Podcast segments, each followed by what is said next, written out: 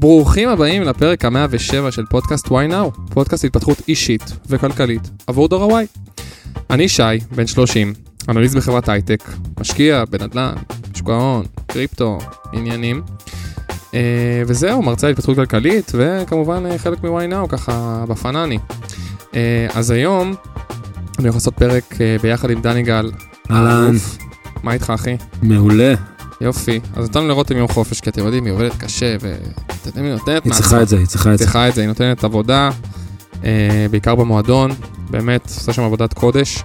אה, אז היום אנחנו נעשה פרק, אה, פרק 107, אה, על, קצת על הריבית, עלתה בזמן האחרון, מה עושים, מה לא עושים. מה זה עלתה, אחי? מה זה עלתה? זה עלתה אחי, אה, נסקה, נסקה. אני חושב שבאפריל היינו על 0.1, נכון, ועכשיו אנחנו על 3.75. היסטרי אחי. מטורף. וזה רק הריבית בנק ישראל, תוסיף לזה פריים, אתה כבר באיזה 5.25 נראה לי. אה, מטורף. אה, לפני שנתחיל כמובן אנחנו נזכיר לכם אה, על הכנס ההיסטרי שלנו שהולך להתרחש בשלישי לשלישי, יום שישי, בין 9 ל-2 וחצי במכללה למינהל. הכנס השנתי שלנו חברים הולך להיות מטורף.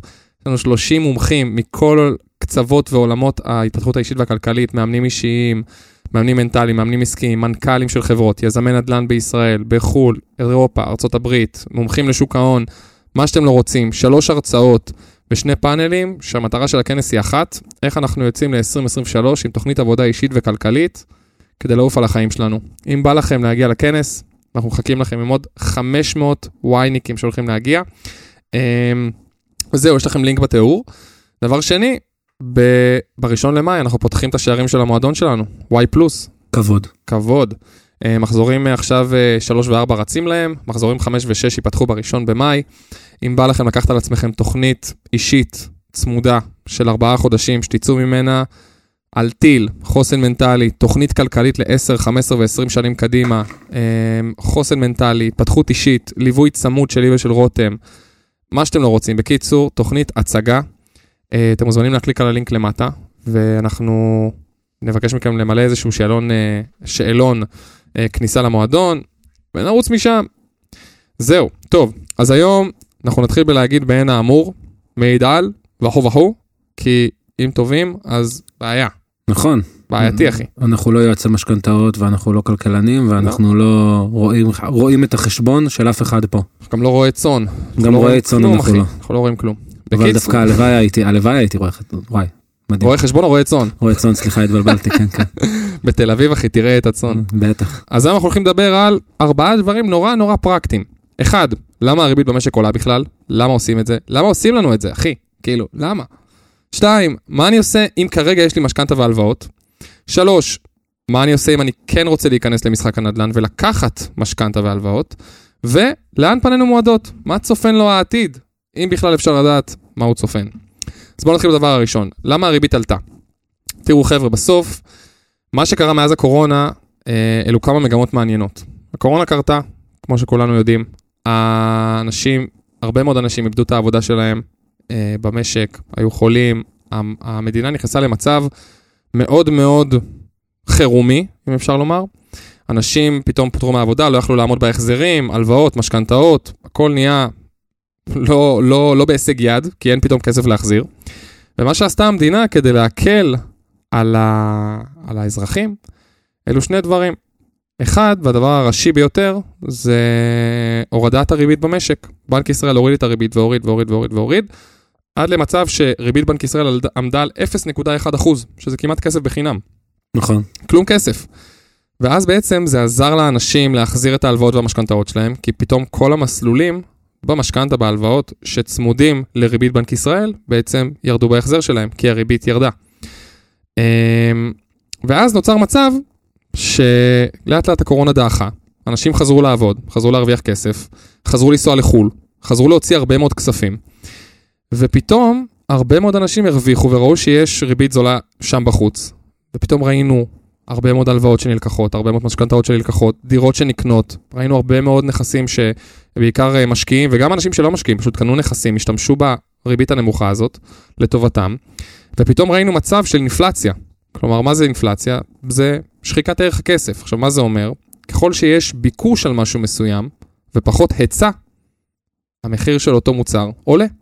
זאת נכון. אומרת, העשרה שקלים שקנו בקבוק מים, היום הבקבוק מים עולה 15, או הדירה שעלתה מיליון, היום עולה מיליון 300, כי בישראל, לדוגמה, אם אני לוקח את עולם הדיור, נבנות מספר מסוים של דירות בשנה, אבל הביקוש תמיד גדול יותר, אוקיי? נכון. זאת אומרת, וזה יוצר מצב שבאמת הרבה מאוד אנשים קנו דירות, זה העלה את הביקוש, כי הרבה מאוד אנשים רצו להשתמש בכסף הזול הזה, אבל ההיצע לא גדל, כי נורא נורא קשה בישראל לבנות בניינים, בתים, לא משנה מה, אנחנו רואים את זה ושומעים את זה גם בחדשות, כמה זמן לוקח עד שמקבלים היתר, וכמה זמן לוקח עד שמוכרים קרקע, ומינהל מקרקעי ישראל, ועד שמאפשרים קרקעות, וקיצור, הקצב בנייה פה הוא נורא נורא איטי. באופן כללי, במדינת ישראל הביקוש גובר על ההיצע בתחום הדיור, ולכן אנחנו רואים בעשורים האחרונים עלייה מתמדת של שוק הנדל"ן. בדיוק. משהו שהוא כללי וקבוע בעשורים האחרונים. בדיוק. ואז בעצם מה קרה? האינפלציה, וכתבנו על זה מאמר בבלוג שלנו ב-ynow.co.il, של הקשר בין האינפלציה לריבית. בסוף זה אחד מושך את השני בכ- בכיוון ההפוך. זאת אומרת, כשריבית הבנק יורדת, האינפלציה עולה. עכשיו, אינפלציה זה דבר שהוא לא טוב למדינה מעל סכום מסוים, מעל אחוז מסוים, סליחה. ואז הפתרון לאינפלציה גבוהה הוא פשוט לעשות את ההפך, להעלות את הריבית כדי להוריד את האינפלציה. מודל איזונים שכזה. בדיוק. ואז זה מה שמדינת ישראל עשתה לאט לאט כשיצאנו מהקורונה. הריבית עלתה עוד קצת, ופה בחצי אחוז, ופה בשלושת רבעי אחוז, ופה בעוד חצי אחוז, ועוד בשלושת רבעי אחוז, והגענו למצב ששנה אחרי, תחילת העליות, עלינו מ-0.1 אחוז ל-3.75. והמטרה בזה, כמו שאמרנו, זה בדיוק לייצר את הדבר ההפוך. הריבית עולה, הכסף יקר, אנשים לא ירצו לקחת משכנתאות והלוואות, לא ירצו לקנות דברים. הביקוש לאט לאט ירד, ואז ערך הכסף יישמר ולא יעלה. נכון? או שהוא או לפחות שהוא אפילו, כן, ירד באחוז שאפשר לשלוט עליו. יעלה פחות. יעלה לזה. פחות, בדיוק. אה, אז זו הסיבה קודם כל למה הריבית במשק עלתה. זה, אחד, זה מודל שמקובל בכל העולם, זה לא, אין פה, כן, אין פה, אה, אה, אני- המצאנו את הכדור. אני, כן, אני אוסיף משהו על שאתה מדבר על כל העולם. בכל העולם זה קרה, כלומר העליות של האינפלציה והעליות של הריבית הם קרו בכל העולם. כן, אה, ראוי לציין שגם בישראל עלינו באופן יחסי קצת פחות לעומת ארצות הברית ואירופה. נכון. יש פה גם אלמנטים של השפעות ממלחמת אה, רוסיה-אוקראינה שמאוד השפיעו על העלות הריבית. ולא ניכנס עכשיו לעלות החיטה, עלות הדלק וכן הלאה, זה למטיבי. נכון. אבל, אה, אבל כן, זה משהו שקרה בכל העולם, ישראל, מה שנקרא followed, וזה המצב כרגע. בדיוק, דווקא זה טוב שנתת את הנקודה הזאת, כי לקחנו פה את מחירי הדיור כדוגמה, אבל באמת גם אנחנו רואים שבעקבות נגיד מלחמת רוסיה-אוקראינה, לדעתי גם עשינו על זה איזה פרק מתישהו, איזה פרק 80 ומשהו, שאמרנו הרבה מאוד מהמוצרי גלם, חומרי גלם שמגיעים לארץ, חיטה ו... ו- לא זוכר איזה דברים, אוקראינה מחזיקה מאוד חזק את שוק החיטה בעולם, מאוד חזק. ורוסיה מחזיקה בגדול, סליחה על הביטוי, את הב- בביצים, את אירופה בתחום הדלק. נכון, הנפט וכל זה. והגז. ו... ואז פתאום שלא רק הביקוש עולה, כי פתאום כסף זול ופתאום כאילו גם אנחנו צורכים הרבה יותר, פתאום אנשים נוסעים לחו"ל, הולכים לקניונים, קונים, כי חזרה הכספי, חזרו, חזר קצת הכסף לחשבון הבנק. מצד שני, ההיצע לא, הוא לא נשאר במקום, הוא אפילו יורד, הוא קטן. פתאום אפילו מוצרי צריכה בסיסיים קשה להשיג. ואז האחוזים עולים, גם ראינו עכשיו בטלוויזיה בתקופות האחרונות, מחיר החשמל עולה ב-X אחוזים, מחיר הדלק יעלה בעוד זה, מחיר הזה, הכל עולה, מים, חשמל, גז, הכל הכל עולה. ופתאום נוצר מצב באמת של היצע קטן, ביקוש גדל בצורה מטורפת, וחייבים לאזן את זה איכשהו. באמת עליית הריבית, המטרה שלה זה לאזן את הדבר הזה, אה, ולייצר איזשהו באמת בלנס שאפשר לשלוט עליו, בין ביקוש להיצע. אז זה אחד, למה הריבית במשק עלתה ועלתה ועלתה, ואולי גם תמשיך לעלות, אין לדעת. אנחנו עוד שנייה גם נדבר על זה בסוף הפרק, לאן פנינו מועדות. הדבר השני שאנחנו רוצים לדבר עליו, זה מה קורה אם היום יש לי משכנתה או הלוואה. מה אני יכול לעשות? עכשיו תראו, ההחזרים גדולים, אבל אני רוצה רגע, אנחנו רוצים רגע שתיקחו דברים בפ- בפרופורציות. ודיברנו על זה בפרק 103 לדעתי, שדיברנו על תוכנית עסקית לעסקת נדל"ן כדוגמה. ואמרתי שכשאני נכנס לעסקת נדל"ן, ואני מחשב ב- באקסל שלי של העסקה את ההחזרים החודשיים, אני תמיד לוקח בחשבון תוכנית פסימית ליום שחור, שבה אני אומר, אוקיי, הריבית היום היא אחוז, בוא נחשב כמה ההחזר שלי יגדל, אם היא תהיה 2% או 3%, ולראות באמת שאני יכול לעמוד בהחזר הזה. זה אחד. ובוא אני אאתגר אותך. תאתגר. אה, בהנחה שלא עשיתי תוכנית טובה, או שזה עלה יותר ממה שתכננתי, או לא משנה מה, אז מה אני עושה? מה אתה יכול לעשות? פתרונות. אז זהו, אז יש לי שתי פתרונות ש... שככה make sense לעצמי, כאילו שאני יכול לחשוב עליהם עכשיו. הפתרון הראשון הוא לנסות לעשות מחזור. עכשיו אני אסביר על זה משהו. מחזור לרוב עושים שהריבית במשק דווקא יורדת. כי מה, מה זה הרי מחזור של משכנתה לדוגמה? זה לנסות להשיג תנאים טובים יותר מהתנאים שהיו לי עד עכשיו. עכשיו, למה אני יכול לנסות לבקש מחזור משכנתה? בגלל כמה סיבות. סיבה אחת זה אם באמת הריבית במשק יורדת. עכשיו, זה לא המקרה כאן.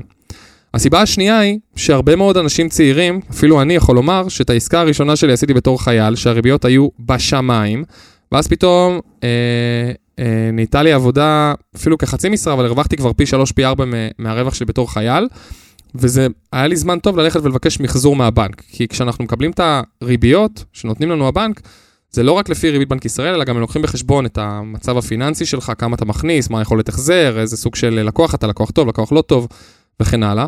ולכן הרבה אנשים שיש להם שינוי במצב התעסוקתי, מרוויחים פתאום יותר, מייצרים איזושהי הכנסה מסוימת לאורך זמן, נכון להם ושווה להם ללכת לבנק ולנסות לבדוק על מחזור, מחזור משכנתה במקרה הזה, או מחזור הלוואה. עכשיו, מחזור משכנתה אפשר לעשות בדיקות אצל יועצי משכנתאות, הם עושים לרוב פגישות ללא תשלום, שהם עושים לכם איזשהו מחשבון כזה, ומה הפוטנציאל בתקופה הזאת, ואז אתם רואים, אחד, אם שווה לכם למחזר את המשכנתה. לגבי הלוואות, יש אותו דבר, על אותו העיקרון, הרבה מאוד אנשים שלקחו הלוואות בריביות גבוהות, כי הם רצו להיכנס לאיזו עסקה מהירה, או לא משנה מה, ופתאום היום, בגלל שנפתח כל התחרות בעולם הבנקאות, אני כבר רואה פרסומות של uh, בבנק יהב עד 120 אלף שקל, בריבית פריים. עכשיו נכון, ריבית הפריים היא לא 1.6, מה שהיה לפני שנתיים, היא 3.75. פלוס 1.5, כן. 5.25. בדיוק, אבל תחשוב על זה שכבר יצא לי לראות נגיד איזשהו בחור שהוא חייל, ב... שעשיתי לו ליווי uh, לעסקת נדל"ן לפני איזה שנה וחצי, והוא קיבל מהבנק פריים פלוס 4.5. כי הוא חייל, והוא בקושי מכניס וכו' וכו', לא משנה, נשים את זה בצד. פריים פלוס 4.5. עכשיו, פריים פלוס 4.5, אתה מגיע כבר ל... לא יודע, 6.1 אחוז ריבית. אז, אתה מדבר אז. אז. היום עוד יותר. היום כבר זה, זה נושק לשמונה. ואז אתה בא ואומר, רגע, אבל אם אני יכול להשיג מאיזשהו בנק, היום אני כבר לא חייל, אני אולי כבר עובד במשרה מלאה או מרוויח יותר, אולי אני יכול להשיג מאיזשהו בנק בריבית של פריים. ואז ריבית של פריים היום זה 5.75. זה כבר, 5.25, זה כבר אחוז ומשהו פחות ממה שקיבלתי אז. אז זה גם משהו שאני יכול לבדוק. אה, אז כמו שאמרתי, אחד, אני בודק אפשרות למשכנתה, אני יכול לעשות איזושהי אה, אה, סימולציה מול יועץ משכנתאות, לראות אם אני יכול למחזר. ושתיים, בודק הלוואות פוטנציאליות מהבנקים, כי היום הבנקים מציעים הלוואות ממש ממש טובות, עוד פעם, בפריים, נכון, הפריים גבוה, אבל לפעמים זה יוצא אפילו יותר זול אה, מהלוואות ש, שכרגע מוצעות. והדבר השלישי שאני יכול לעשות, זה ללכת לבנק ולבקש שהמשכנתה או ההלוואה שלקחתי, להכניס על איזושהי תוכנית של גרייס. זאת אומרת, דיברנו על זה גם בפרק 103 קצת, באיזה מילה, אבל גרייס זה בעצם הלוואה שאני יכול להתחיל לשלם אותה רק אחרי איקס זמן, אחרי שנה, אחרי שנתיים, אחרי שלוש, תלוי אם אתם סוגרים עם הבנק, אחרי חצי שנה, ואז בעצם רק לשלם את רכיב, ה- רכיב הריבית, והקרן מצטרפת רק אחרי התקופה שסגרתם עם הבנק. למי זה טוב? אם אתם כבר מחזיקים דירה שנה, שנה וחצי, אפילו חצי שנה, והצלחתם להשיג גרייס לשנתיים, שלוש, לא משנה, לשנה, זו תקופה שאתם יכולים בתקופה הזאת כבר למכור את הנכס, ואז לשלם עד אז פחות. וגם אם לא, אז חסכתם כמה חודשים שבהם אתם יכולים לשים כסף בצד ולהתכונן לקראת התשלום שהולך להגיע. זה לגבי מה אני עושה אם יש לי משכנתה והלוואות. אנחנו גם נדבר על זה באריכות עם ימית אפריאט שהולכת uh, להתראיין כאן בפרק הבא. ועכשיו הנושא השלישי שאני רוצה לדבר עליו, שאנחנו רוצים לדבר עליו, זה מה אני עושה אם אני עכשיו רוצה להיכנס למשחק. אז הדבר הזה האמת הוא קל, כי בפרק 103 אמרנו מה קורה אם אנחנו רוצים להיכנס למשחק עכשיו ואיך מכינים תוכנית עסקית. וכמו שאמרנו היום, הריבית, ריבית הפריים, ריב, הריבית שאנחנו מקבלים היא 5.25, זה מה שאנחנו נקבל. ואז כשאני יושב וכותב את התוכנית העסקית שלי, אני פשוט צריך לקחת את זה בחשבון, ולהוסיף לריבית שאני משלם היום, לריבית הממוצעת של ה-5.25, להוסיף עוד אחוז, או עוד 2 אחוז, ולראות כמה ההחזר עולה, ומה התשואה שנשארת לי בסוף, והאם זה משתלם. עכשיו כן, ברור שהריבית עלתה בכמה אחוזים טובים, זה אומר שהתשואה נשחקת לנו בכמה אחוזים טובים. מצד שני, אני חייב לומר ולהגיד שני דברים. אחד, בתור וייניקים שאין להם הרבה הון עצמי, לא מעניינת אותי, שי, מזכיר לא המלצה, אבל אותי, שי, לא, מעניינת, לא מעניין ההחזר החודשי שאני מקבל מהשכירויות. אז כאילו אני אומר לעצמי, טוב, אם לקחתי משכנתה של 640 אלף לפני שנה וחצי ואני מחזיר עליה 2,900, סיפור אמיתי, והיום אני מחזיר על, על, על המשכנתה הזאת במקום 2,900, 3,300, אז בסדר, אז עוד 400 שקל. זה לא מעניין אותי, כאילו שנשחק לי התשואה השנתית, כי אני לא חי על התשואה השנתית, לא נכנסתי לנדל"ן כרגע בשביל השכירות השנתית. אם אני יכול לעמוד ב-400 שקל, זה סבבה לי, זה מספיק לי. אני נכנס בשביל הרווח בסוף העסקה. זאת אומרת, אם אני עכשיו מרוויח, אני מתכנן להרוויח בין 200 ל-300 אלף שקל בעסקה הזאת. ועכשיו עוד 400 שקל בחודש. חבר'ה, זה עוד, מה, 4,800 בשנה? 9,600 בשנתיים? 15,000 בשלוש שנים? אז סבבה, אני מוכן לחיות עם זה שעוד שלוש שנים, במקום להכניס 300,000 שקל לכיס, אני אכניס 285. אבל מה שאני רוצה, מה שאנחנו רוצים שתיקחו מכאן זה את הפרופורציה. בסוף, אחד, הסכום שאני צריך להוסיף כל חודש על עליית הריבית הוא מאוד מאוד נמוך בהתחשב ברווח הפוטנציאלי שלי בסוף העסקה, ואנחנו מזכירים לכם, אנחנו לא מדברים כאן על משכנתאות של 2 מיליון, 3 מיליון, זה לא בתים מטורפים, אנחנו משקיעים כאן בדירות, מי שמאזין כנראה משקיע כאן בדירות של 700, 800, מיליון, מיליון וחצי, כאילו חנוק, 2 מיליון. ההחזרים לא גודלים בצורה של אלפים, כאילו ההחזרים גודלים, פה 100, פה 70 שקל, פה 250, אבל אם אפשר לעמוד בעוד 400-500 שקל האלו, זה שווה מאוד את הרווח בסוף התקופה. זה אחד. הדבר השני שאני רוצה לדבר עליו, זה חוץ מהעובדה הזאת של המחיר ולהסתכל גם בסוף הדרך, זה גם מה שדיברנו אה, אה, בתוכנית העסקית של לקחת את המספר אחוזי העלייה ובאמת לראות שזה עושה שכל. ונכון, יהיה יותר קשה למצוא עסקאות היום, כי ההפרש בין הריביות לבין התשואה קטן וקטן, אבל תמיד יש עסקאות. אז אולי קשה לי למצוא יותר עסקאות, אבל עכשיו זו תקופה שאני יכול לומר לכם מניסיון אישי, לפני כמה זמן אה, נפגשתי עם אה, סמנכ"ל מכירות בחברת אזורים, אה, שלא מעט חברות, ואני גם קראתי את זה בגלובס לפני כמה זמן, שגם הקבלנים מתחילים לתת יותר הטבות, מתחילים להוריד מחירים. כמה פעמים ראיתי, אני רואה בטלוויזיה עסקאות של 20-80, כאילו אומרים, שימו עכשיו 20% מההון העצמי, 80% דברו איתנו בעוד 4 שנים שתסתיים הבנייה, תשלימו את זה אז. ואז המטרה שלהם זה למשוך עוד ועוד קונים. אני גם רואה את זה במחירים של דירות. התעניינתי באיזושהי דירה לפני כמה חודשים, ראיתי שהיא עדיין לא נמכרה ביד 2 והמחיר שלה ירד כבר ב-150 אלף שקל. זאת אומרת, התקופה הזאת היא תקופה מעולה לאנשים שרוצים להיכנס למשחק. עם תוכנית עסקית נכונה, אפשר למצוא אחלה של עסקאות, לדעתי. זה תקופה טובה לעסקאות טווח קצר. כאילו, כן, אתה, אתה בא ואתה אומר לעצמך, אוקיי, עכשיו יכול להיות שאני אחזיר 500 שקל יותר ממה שהייתי מחזיר לפני שנה וחצי, שנתיים, אבל אתה אומר, יכול להיות שבגלל המצב, ובגלל, כמו שאתה אומר, שיש קבלנים שמחפשים אנשים שיקנו, או כי פשוט מצאתי עסקה טובה, כן. אז גם אם אני אחזיר עכשיו 500 שקל בחודש יותר לשלוש שנים, אם אני מצאתי עסקה ב-50 אלף שקל פחות ממחיר השוק שלה, אז ברור שאני ארוויח עליה בעוד שלוש שנים אם אני אמכור. נכון. בגלל זה אני אומר, תחשוב על זה שנכס שעולה מיליון, עכשיו התקופה מאתגרת, נגיד הנכס שאני ראיתי, אה, בלוד לדעתי, הוא היה, סליחה, ב-970 אלף שקל, 975, ופתאום ראיתי שהוא נמכר, שהוא אה, עכשיו מוצע ביד 2 לפני איזה שבוע, כאילו אחרי איזה חצי שנה שלא הסתכלתי. אותו נכס מוצג ב-840 ומשהו. זה מטורף. זה מטורף. עכשיו אני אומר, אוקיי, בוא נגיד, ועכשיו יש, אתה יודע, את כל השיחות האלו של האם השוק נכנס למיתון, האם הוא לא נכנס למיתון, האם מחירי הנדל"ן יעלו, אני הולך על התז...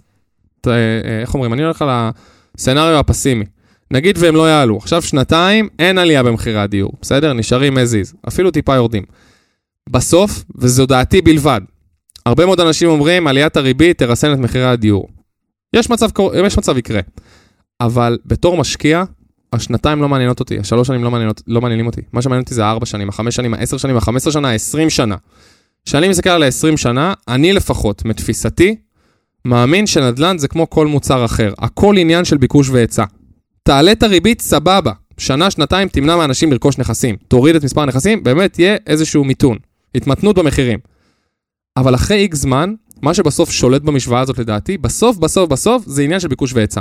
ולא משנה כמה תעלה את הריבית, סבבה, יקנו פחות. באיזשהו שלב אתה לא יכול לעלות אותה יותר מדי, אנשים פה יקרסו.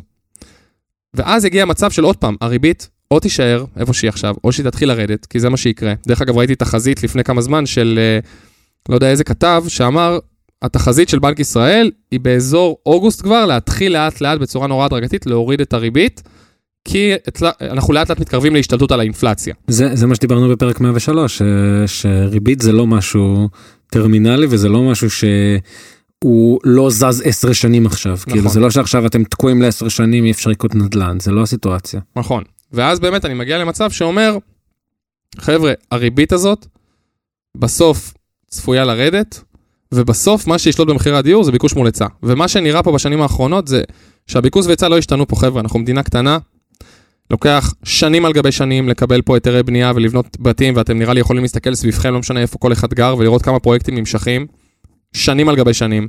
קרקעות פה מופשרות בשנים על גבי שנים. אני תמיד מסתכל על זה ומדבר עם חברים שהם יזמים בארצות הברית ואומרים לי, בואנה, זה מטורף, אחי, כאילו בשנה אני סוגר פה כאילו, בשנה אני כבר מקבל היתר, בונה בית מאפס, מוכר אותו כבר עם הכסף בבנק, בארץ עוד לא מתקרבים אפילו לקבלת היתר.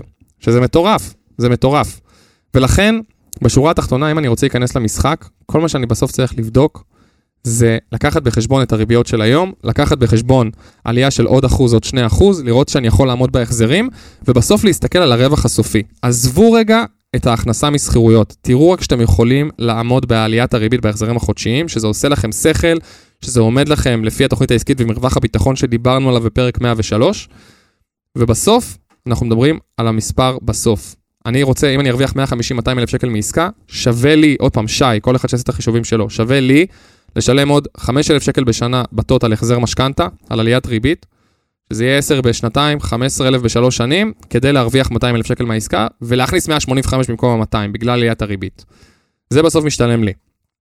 אז זה מה שאני עושה אם אני רוצה להיכנס למשחק, פשוט מכניס את זה לתוכנית העסקית. ונסיים ב... לאן פנינו מועדות. אז תראו, קראתי איזשהו מאמר מעניין אה, בגלובס לדעתי, או בביספורטל. בעצם ביספורטל זה בכסף, ואני לא משלם על החרא הזה. אז נראה לי בגלובס. אה, מאמר שאומר לאן, אה, שאומר לאן פנינו מועדות, ורואים שם איזושהי תחזית של בנק ישראל, שהריבית צפויה, אה, האינפלציה צפויה באמת להתמתן לקראת אה, אמצע שנה, ובאזור יולי-אוגוסט תתחיל בעצם ירידה מאוד מאוד הדרגתית של הריבית במשק. מה זה אומר? שאולי בפוטנציאל, כאשר הריבית תרד, אם יש פה מישהו שלקח משכנתאות או הלוואות בתקופה האחרונה, בשנה וחצי האחרונות, יש אולי באמת אפשרות יותר מעשית למחזר את המשכנתה או את ההלוואה, כי ככל שהריבית תרד בעצם, יש אולי אפשרות להשיג תנאים טובים יותר, להחזיר פחות.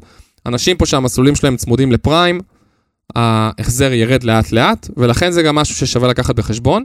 אבל כמו שאמרתי, ובזה אנחנו נסיים, אני בתור שי הולך על, אה, הולך על תחזית פסימית. אני לא מחשב שום ירידה ב, בריביות כרגע בשנה הזאת, אני אפילו לוקח בחשבון עלייה של עוד אחוז או שני אחוז, כדי להכין את עצמי כמה שיותר.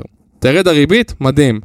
התוכנית הכלכלית שלי מפתיעה אותי לטובה, אבל אני תמיד מעדיף להיות מופתע לטובה, מאשר להיות מופתע לרעה. ולכן אני לוקח את התחזית הכי פסימית. וזהו חברים, אם יש לכם שאלות, מוזמנים לפנות אלינו בפרטי. אם הפרק הזה, אתם חושבים שהוא רלוונטי למישהו מהחברים, חברות, יזיזים, יזיזות, בעל, אישה, וטף, מוזמנים לשלוח לו ולה את הפרק, אה, לתייג אותנו Why Now בסטורי.